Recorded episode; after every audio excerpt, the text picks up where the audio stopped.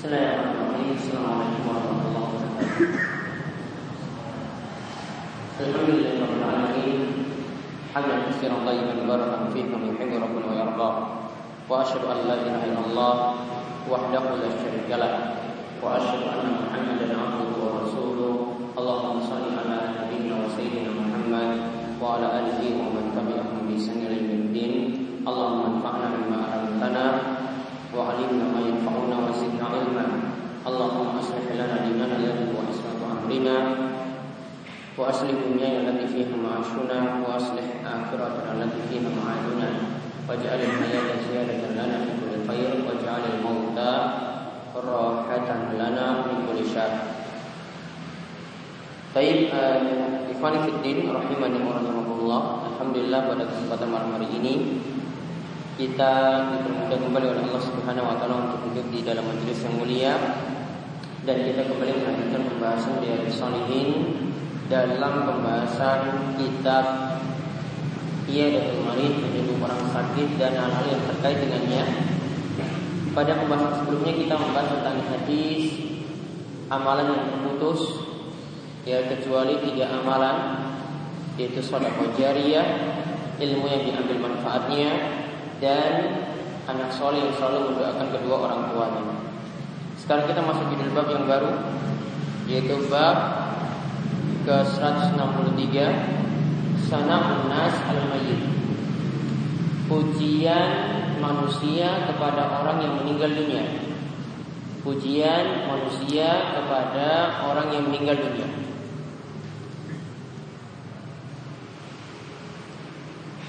Yaitu ada dua hadis yang dibicarakan dalam bab ini Yaitu hadis yang pertama hadis 951 Dari Anas radhiyallahu anhu. Ia berkata Marru bi janazatin fa asnau alaiha khairan Dilewati suatu jenazah maka ketika itu jenazah tersebut dipuji oleh orang-orang yaitu dipuji kebaikan. Fakola Nabi Shallallahu Alaihi Wasallam maka ketika mendengar pujian yang baik untuk jenazah tersebut, maka saat itu Nabi SAW mengatakan wajabat. Pujian tadi berakibat baik untuknya. Semua maru bi lalu dilewatkan lagi jenazah yang lainnya. Fa asnau alaiha syarran. Lantas jenazah yang kedua itu mendapatkan pujian yang jelek. Mendapatkan ya pujian yang jelek. Fakolah Nabi Shallallahu Alaihi Wasallam maka ketika itu Nabi SAW bersabda wajabat Pujian tadi untuknya, pujian yang jelek tadi untuknya itu berakibat jelek juga nantinya. Maka Umar bin Al-Khattab radhiyallahu anhu ia mengatakan, Ma wajabat. Apa yang dimaksudkan dengan kata wajabat tadi? Apa yang dimaksudkan dengan diperkenankan untuknya? Kemudian Nabi SAW itu menjawab, Hada asnaitum alaihi khairan, fawajabat lahul jannah. Wahada asnaitum alaihi syarran, fawajabat lahul nar.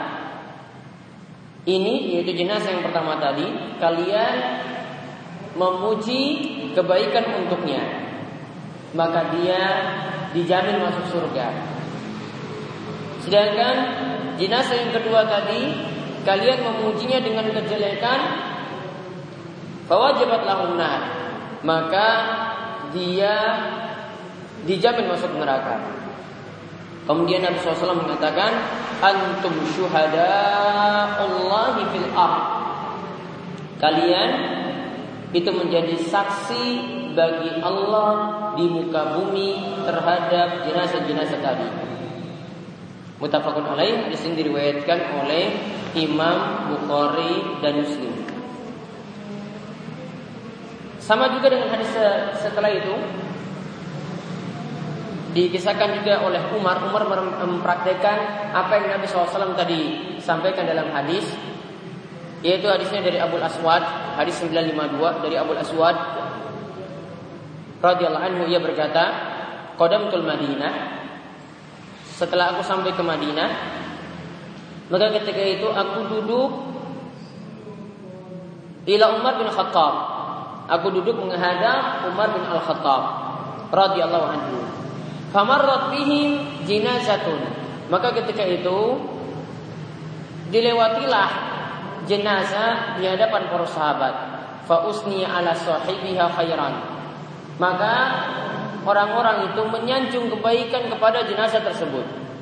Faqala Umar, Umar kemudian mengatakan wajabat. Pujian tadi diperkenankan.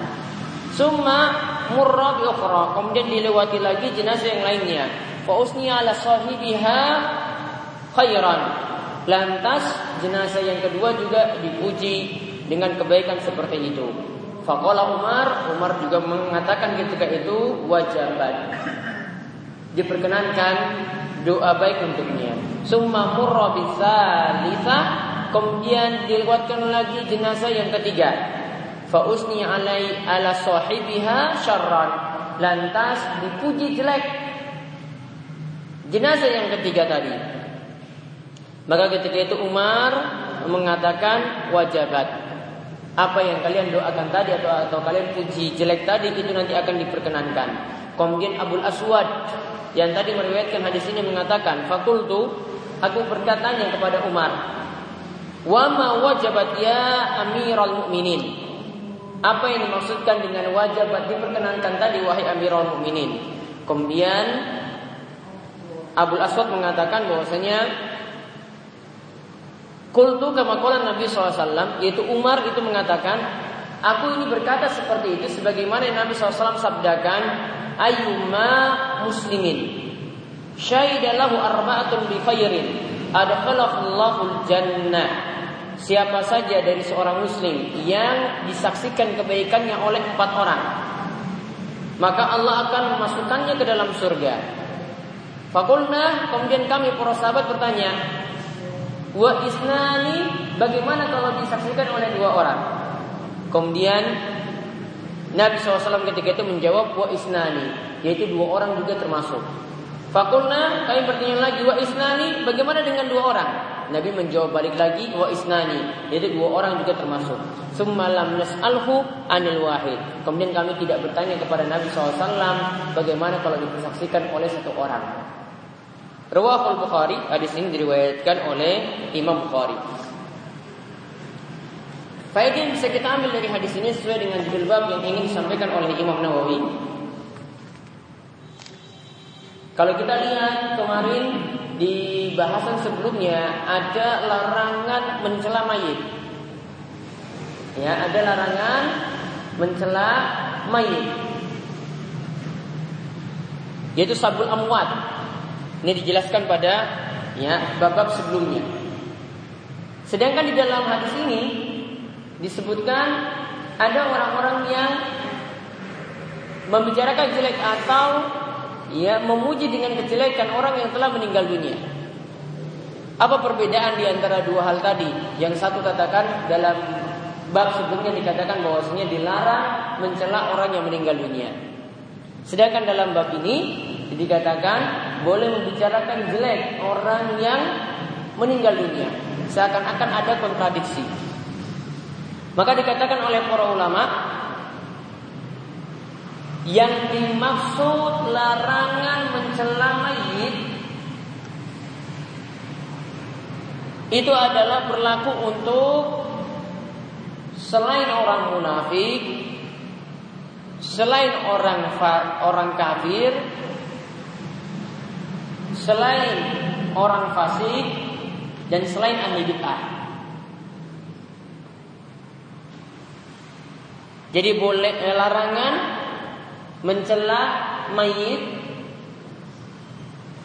yaitu hadis yang mengatakan larangan mencela mayit ini berlaku bagi selain orang munafik, kafir, orang fasik, pelaku dosa besar yang terang-terangan dan juga pelaku bid'ah.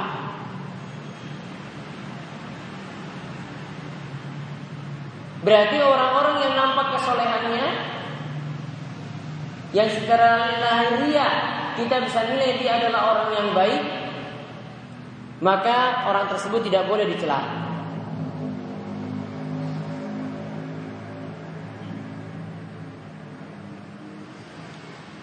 Sedangkan untuk pujian tadi dengan pujian yang jelek ini berlaku bagi siapa?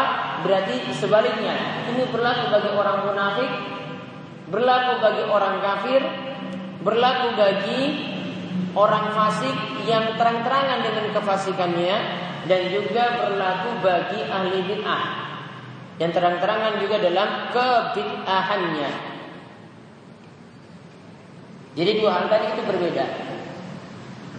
Jadi larangannya ini berlaku bagi orang-orang beriman tidak boleh mencela jelek orang-orang yang beriman yang meninggal dunia. Namun kalau orang-orang fasik, orang kafir, orang munafik, pelaku bid'ah yang terang-terangan, ketika itu boleh dibicarakan jelek.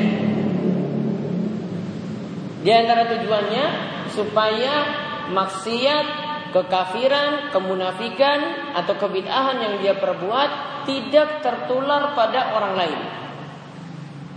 Jadi semua nanti menjauh dari sifat-sifat semacam itu pula.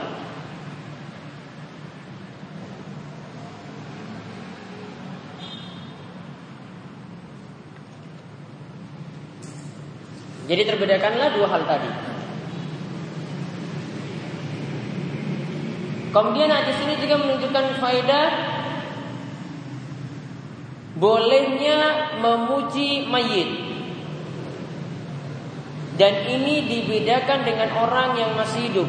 Dan di sini dibedakan dengan memuji orang yang masih hidup. Terutama di hadapan dia. Kalau memuji mayit tadi Manfaatnya berarti manusia-manusia di muka bumi itu jadi saksi baginya. Namun kalau memuji langsung orang yang masih hidup di hadapannya, ini kata para ulama, ini dapat membuat orang yang dipuji tadi terjerumus dalam ria atau ujub atau takabur, sombong. Atau penyakit-penyakit hati yang lainnya. Jadi dibedakan antara kita memuji yang sudah meninggal dunia ya memuji-muji menyebut-nyebut kebaikannya. Dia orang yang dermawan orang yang rajin menuntut ilmu dia orang yang rajin ibadah. Kalau sudah meninggal dunia tidak masalah. Bahkan itu bermanfaat untuknya. Namun kalau orang tersebut masih hidup dan ada di hadapan kita kita memujinya maka ini cenderung membawa kepada dampak jelek. Yaitu dia bisa langsung ujub bisa langsung takabur, bisa langsung itu merasa lebih daripada yang lainnya atau penyakit-penyakit jelek yang lainnya akan muncul pada dirinya.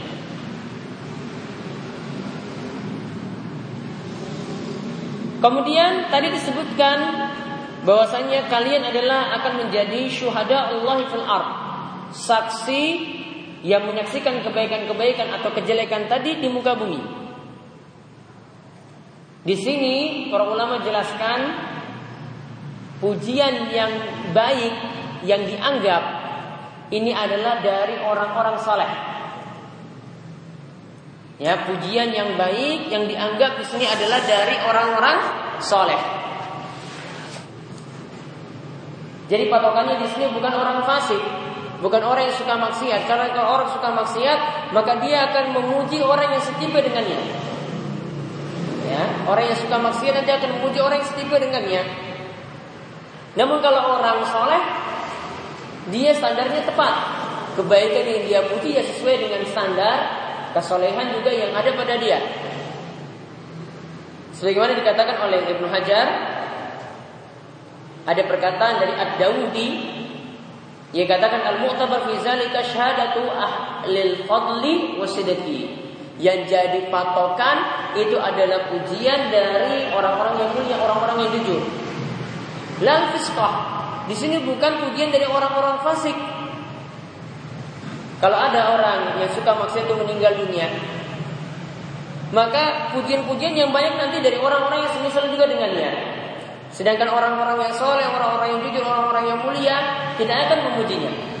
Paling pujian-pujian yang keluar adalah pujian-pujian yang jelek. Kata-kata yang jelek. Maka sekali lagi yang jadi patokan di sini sebagaimana dikatakan oleh Ad-Daudi tadi di sini adalah bukan dari orang fasik, namun pujian yang baik di sini adalah dari orang-orang yang saleh.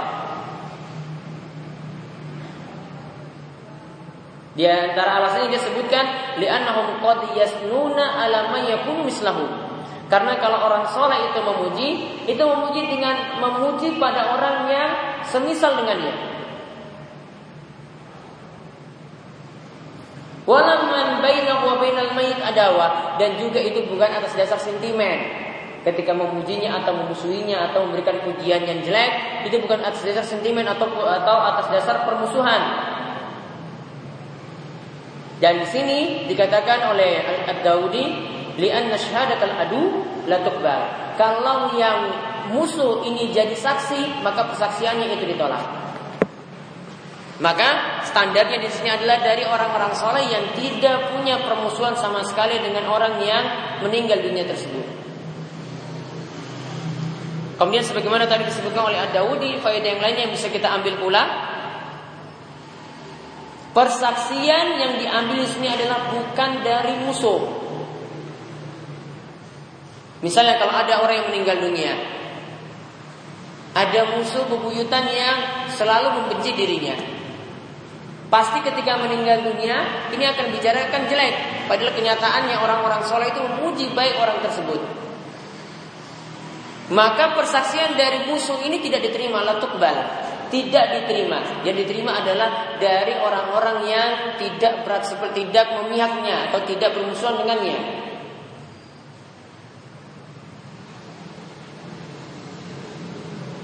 Kemudian faedah yang lainnya lagi adalah Hadis ini menunjukkan hendaklah kita mengamalkan suatu hukum pada orang lain berdasarkan sifat lahiriah.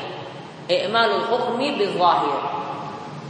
Kita menerapkan suatu hukum itu dinilai dari sifat lahiriah. Tidak kita lihat pada batinnya. Maka orang-orang tadi yang memuji orang yang meninggal dunia ini mereka itu dilihat dari sifat lahiriahnya, kesehariannya bagaimana. Dia mereka tidak memandang dari apa yang ada dalam batin. Karena kalau apa yang ada dalam batin mereka tidak bisa menebaknya.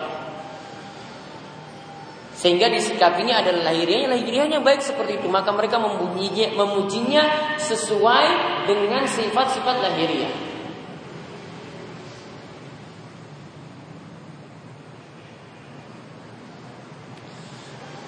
Kemudian hadis ini juga menunjukkan bolehnya membicarakan kebaikan atau kejelekan jika ada kebutuhan di dalamnya, membicarakan kebaikan atau kejelekan orang lain jika ada kebutuhan di dalamnya. Dan kalau ada kebutuhan seperti ini maka tidak termasuk gibah.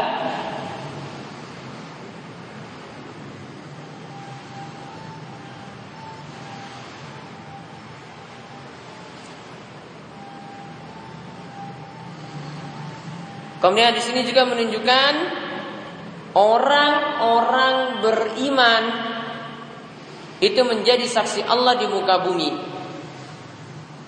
Dan ini tidak khusus untuk para sahabat Nabi.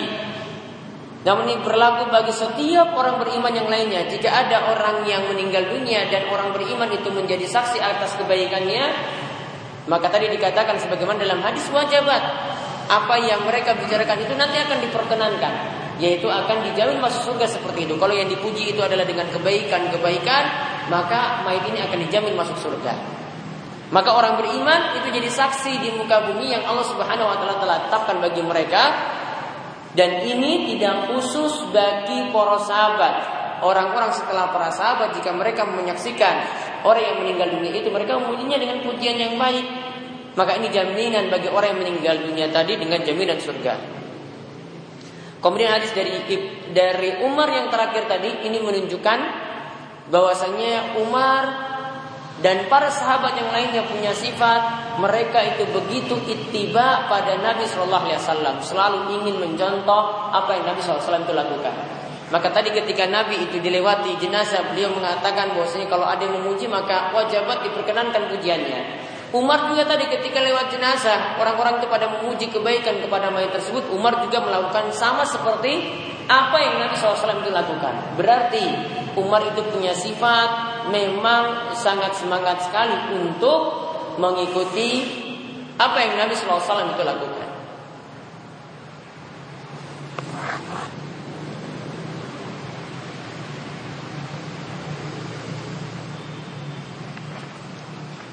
Kemudian yang selanjutnya kita lihat bab 164. yaitu fadlu man mata lahu sighar keutamaan orang yang anak kecilnya itu meninggal dunia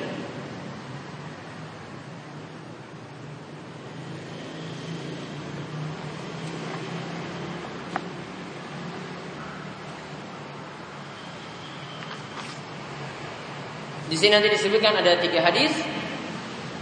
Nanti di sini membicarakan orang yang ditinggal mati anaknya. Ya, orang yang tinggal mati anaknya terutama di sini adalah anak yang masih sigar, anak yang masih kecil. Kenapa dikatakan sini anak yang masih kecil yang dibahas? Karena ketika anak itu meninggal ketika kecil, ini berbeda keadaannya ketika dia itu sudah balik. Ketika masih kecil belum balik, orang tua itu pasti lebih sedih daripada anaknya meninggal ketika dewasa. Yaitu hadis yang kita lihat di sini hadis 953 yaitu dari Anas radhiyallahu anhu ia berkata bahwasanya Rasulullah shallallahu alaihi wasallam bersabda "Ma min muslimin yamutu lahu salasatun lam yablughul hins." Tidaklah seorang muslim ditinggal mati oleh tiga anaknya yang belum balik. Tiga anaknya yang belum balik. Illa adkhalallahu adkhalahullahu jannata bifadli rahmatihi iyahu. Melainkan nantinya Allah akan masukkannya dalam surga dengan karunia yang Allah miliki padanya.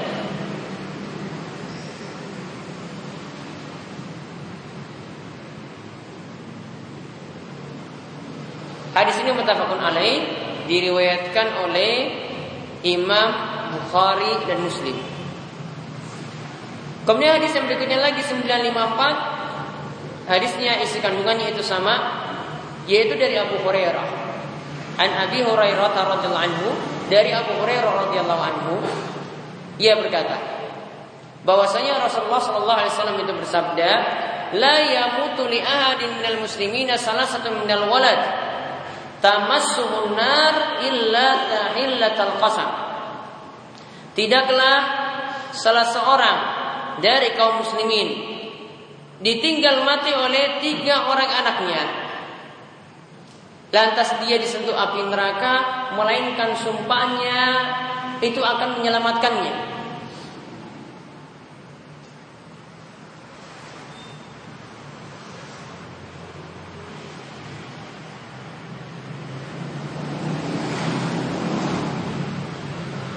Yaitu maksudnya di sini tahilatul qasam sumpah dari anaknya tadi dapat menyelamatkannya maksudnya kata Imam Nawawi yaitu seperti yang dimaksudkan dalam firman Allah surat Maryam ayat 71 wa imminkum illa wariduha. Tidaklah kalian semua itu kecuali nanti akan melewati sirat. Wariduha yang dimaksudkan di sini kata Imam Nawawi al-urud yang dimaksud di sini adalah al-ubur ala sirat yaitu kalian semua akan melewati sirat. Yaitu jembatan yang akan dibentangkan di atas neraka jahanam Kemudian nanti setiap orang itu akan melewatinya. Yang selamat maka dia akan masuk surga, yang tidak selamat dia akan masuk dalam neraka. Afallahu anha. Afanallahu anha. Yang Munawi katakan semoga Allah menyelamatkan kita darinya. Dua hadis ini menunjukkan faedah yang pertama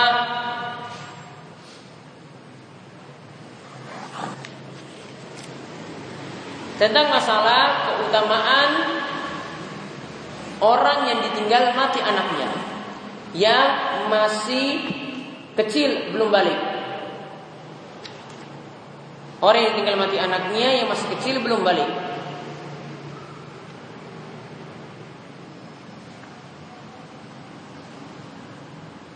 Yaitu keutamaannya disebutkan di sini orang tersebut dijamin masuk surga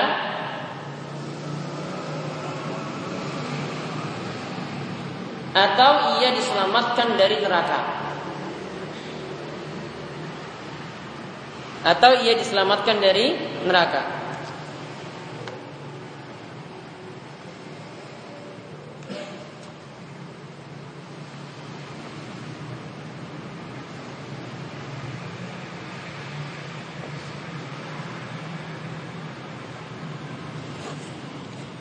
Sebagaimana di sini ada perkataan dari Ibnu Hubairah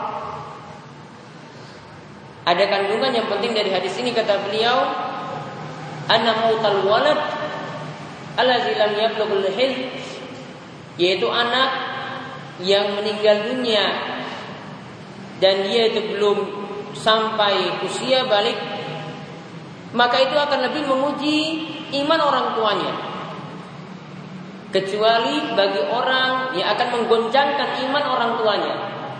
Illa liman sabatahallahu bil qawli sabit. Kecuali yang Allah kokohkan imannya, dia bisa bersabar dengan cobaan yang berat seperti itu.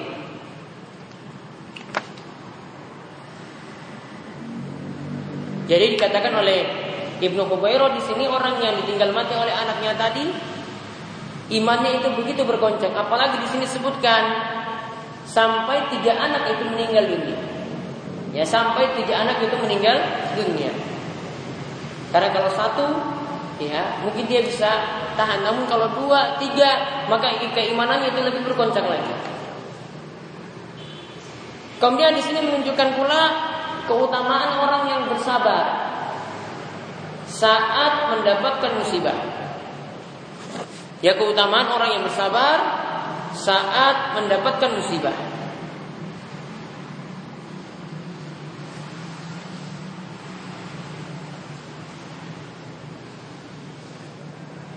Karena bisa mendapatkan keutamaan semacam tadi itu juga orang-orang tersebut itu adalah orang yang mau bersabar ketika mendapatkan musibah tadi.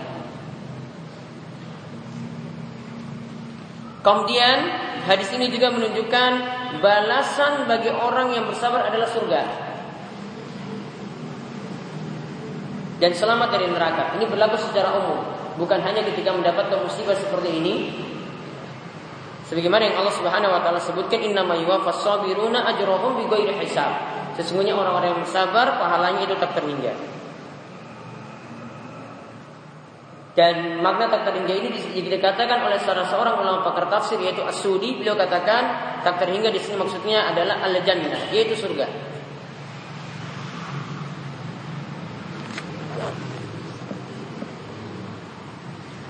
Kemudian hadis yang berikutnya juga membicarakan hal yang sama yaitu 955 dari Abu Said Al-Khudri radhiyallahu anhu. Qal ia mengatakan, "Ja'ati imra'atun ila Rasulillah sallallahu alaihi wasallam." Ada seorang wanita yang mendatangi Rasulullah sallallahu faqalat, maka ketika itu ia mengatakan kepada Rasul, "Ya Rasulullah, dhahaba ar-rijalu bihadisika." Wahai Rasulullah, para pria itu biasa mendatangimu ya untuk mendapatkan hadis-hadis darimu. Faj'al lana min nafsika yawman atika fihi ta'allumuna mimma alamak Allah. Tolong wahai Rasulullah, kami juga para wanita diberikan waktu supaya bisa belajar satu hari sebagaimana laki-laki itu bisa belajar ketika itu pula, mempelajari ilmu yang Allah Subhanahu wa taala berikan untukmu. Kemudian Nabi SAW ketika itu mengatakan istami'na yauma kadza wa kadza. Kalau begitu kalian hendaklah berkumpul pada hari ini, ya, pada waktu ini atau waktu itu. Jadi tentukan waktunya. Fatstama'na. Kemudian dikatakan oleh wanita tersebut kami itu kemudian kumpul, mereka itu kemudian kumpul. Fa'atahuna Nabi sallallahu alaihi wasallam, Nabi sallallahu itu mendatangi mereka. Fa'allamahunna mimma 'allamahullah. Kemudian beliau sallallahu alaihi wasallam itu mengajarkan para wanita sebagaimana ilmu yang Allah sampaikan untuknya. Semakal Kemudian Nabi SAW itu bersabda, "Ma kunna minam imra'atin tuqaddimu salasatan minal walad." illa kanu laha hijaban minan nar. Tidaklah salah seorang kalian dari para wanita itu didahului meninggalnya tiga anaknya melainkan itu akan menjadi hijab baginya dari neraka. Kemudian dikatakan oleh seorang wanita wa isnain. Bagaimana jika yang meninggal itu adalah dua anak? Maka Rasulullah SAW katakan juga ketika itu wa isnain. Dua anak juga termasuk. Mutafakun alaih diriwayatkan oleh Imam Bukhari dan Muslim. Dan hadis ini menunjukkan faedah bolehnya wanita menuntut ilmu dan belajar langsung dari seorang guru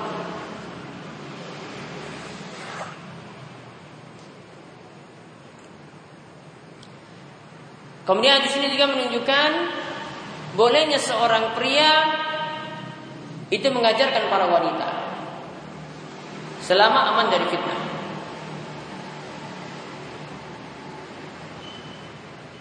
Kemudian di sini juga menunjukkan bolehnya mengkhususkan waktu tertentu untuk mengajarkan ilmu. Termasuk juga di sini adalah pada para wanita. Karena di sini dimintakan waktu tertentu, Nabi katakan sudah kalian pilih hari ini atau hari itu.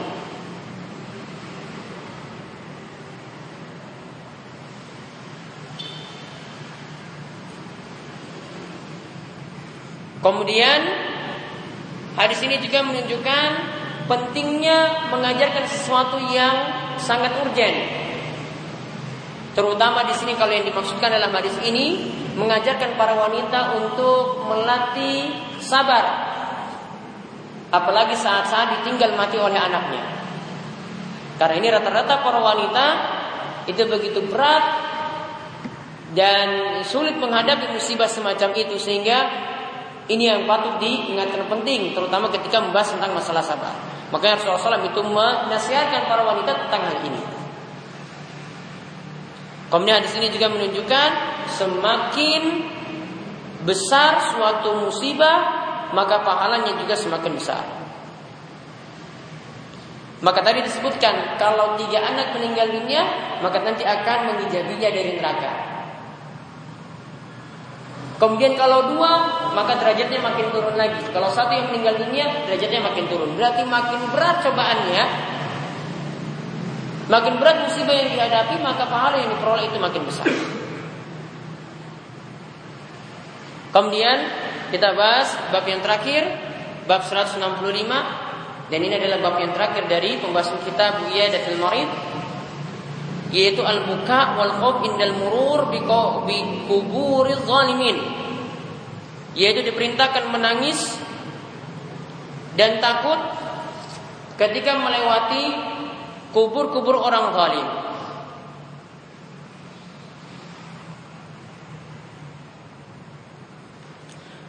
wa itharul iftiqar Allah taala.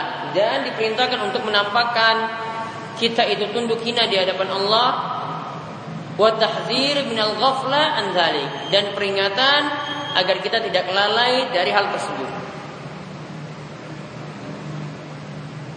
Jadi di sini yang dimaksudkan kalau kita lewat kubur-kubur orang yang mendapatkan siksa, seperti nanti di sini dibicarakan tentang melewati tempat-tempat seperti ya tempat pembinasaannya kaum Samud.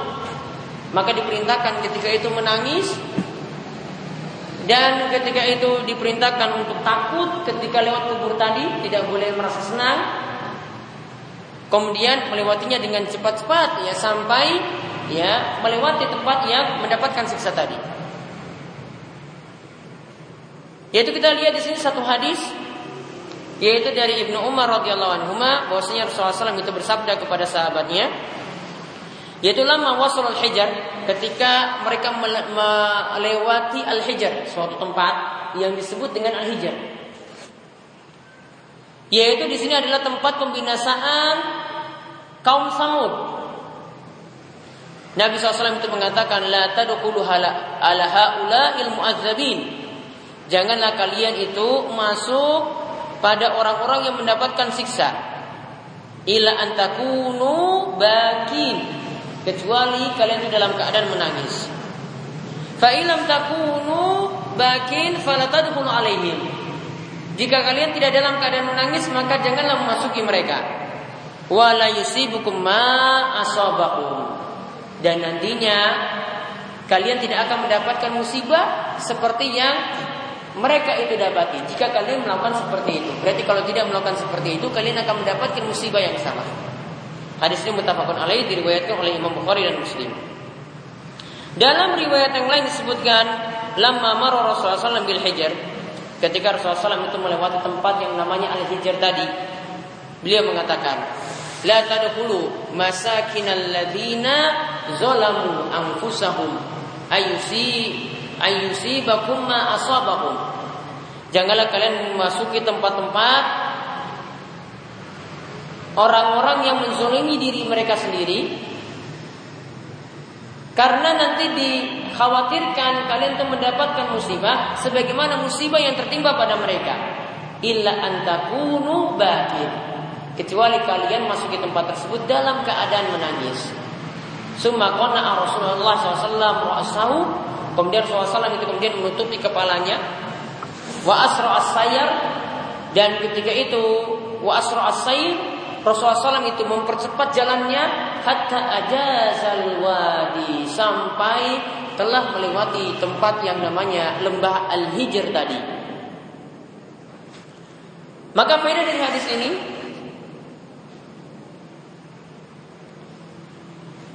diperintahkan untuk menangis dan tafakkur yaitu merenungkan tempat-tempat orang yang diadab atau tempat-tempat orang zalim yaitu hendaklah dipikirkan tentang keadaan mereka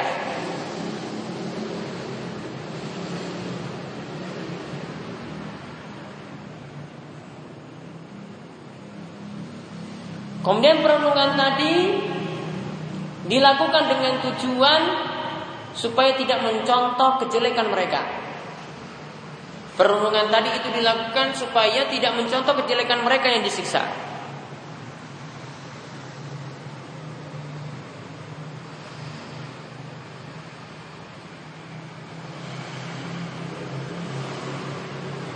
Kemudian para ulama sebutkan pula siapa yang tidak mengambil pelajaran ketika melewati tempat semacam itu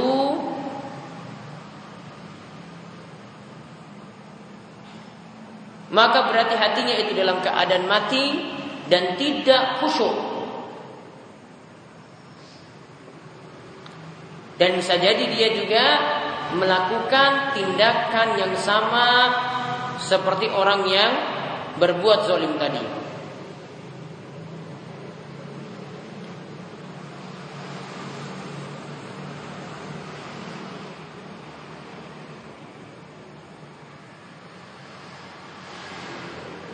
Kemudian di sini juga menunjukkan larangan untuk tinggal di negeri yang diazab.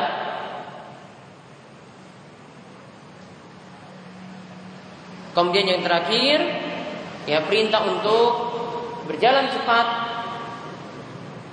ketika melewati tempat-tempat yang diazab atau disiksa. Ya demikian pembahasan terakhir dari kitab Yadatul Marid dan yang berkaitan dengannya insyaallah pada kesempatan berikutnya kita akan membahas tentang kitab ada Sahabat. Untuk pertemuan berikut yang tanggal 2 ya, nanti uh, saya liburkan. Kita bertemu lagi nanti masih ada dua kali tanggal 9 ya dan tanggal 16 ya masih dua kali sebelum Ramadan.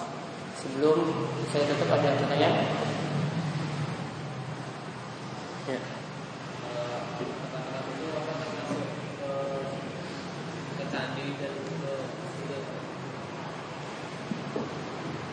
Itu ke candi itu ada pembahasan tersendiri. Artinya itu tempat ibadah orang lain nggak boleh ke situ. Jadi disyariatkan ke situ, walaupun cuma tujuannya wisata. Nggak boleh. Kalau nggak ada tujuan yang manfaat tidak boleh.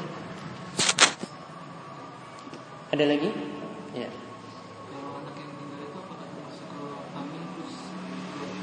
keguguran. Termasuk. Ya.